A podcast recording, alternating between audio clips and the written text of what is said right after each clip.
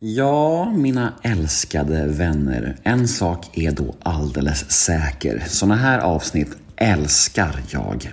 Bjussiga, ärliga gäster som har förmågan att pendla mellan det mörka och det ljusa. Det är verkligen något alldeles särskilt.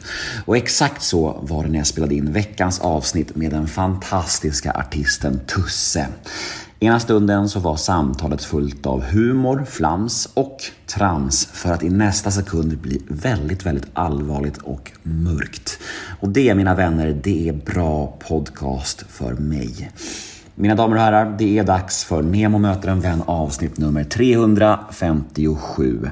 Och som ni säkert har förstått vid det här laget så är samtliga avsnitt av denna podd exklusiva hos Podmi nu för tiden. Och så även detta.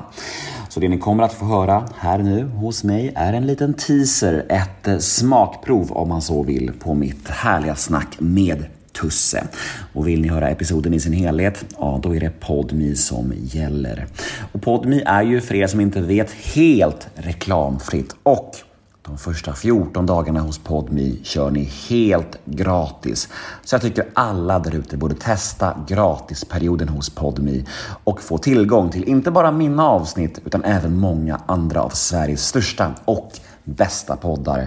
Till exempel Mia Skäringers, Sprillans nya podd Skalla dagen som har premiär nu i dagarna. Den vill ni inte missa och ja, även den är helt exklusiv hos Podme.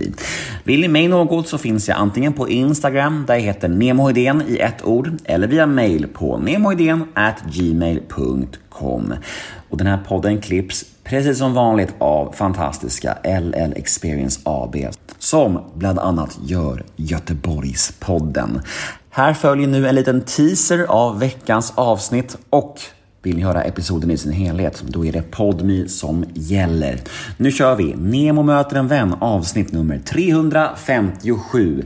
Gäst Tusse. Men först, precis som vanligt, en liten jingel.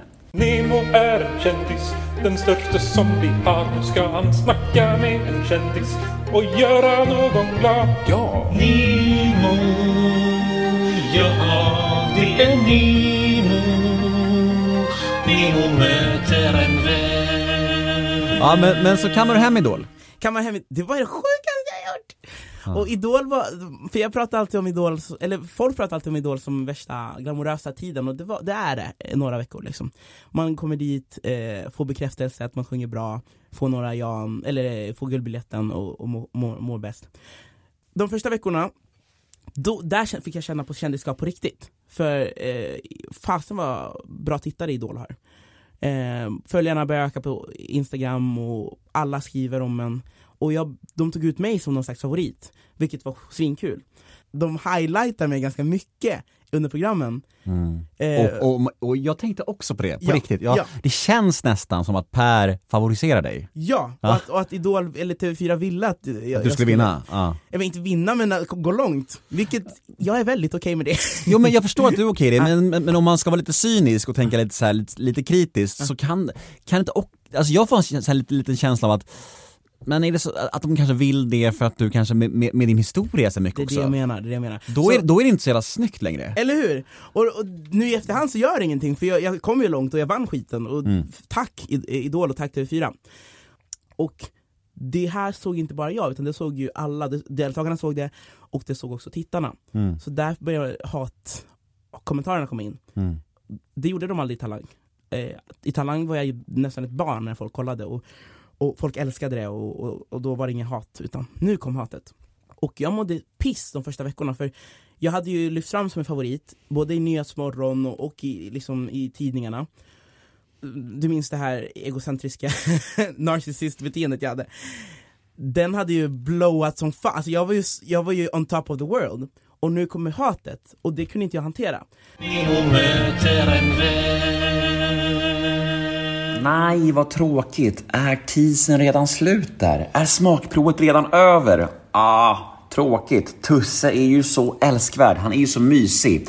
Jag förstår att ni är många som vill höra mer nu. Ni har fått mer smak och ni vill ha mer Tusse. Då har jag en lösning på era problem. Gå in på podme.com eller ladda ner podme appen för där finns fullängdaren av denna episod. Vi hörs på Podmi. מי הוא בטרם ו...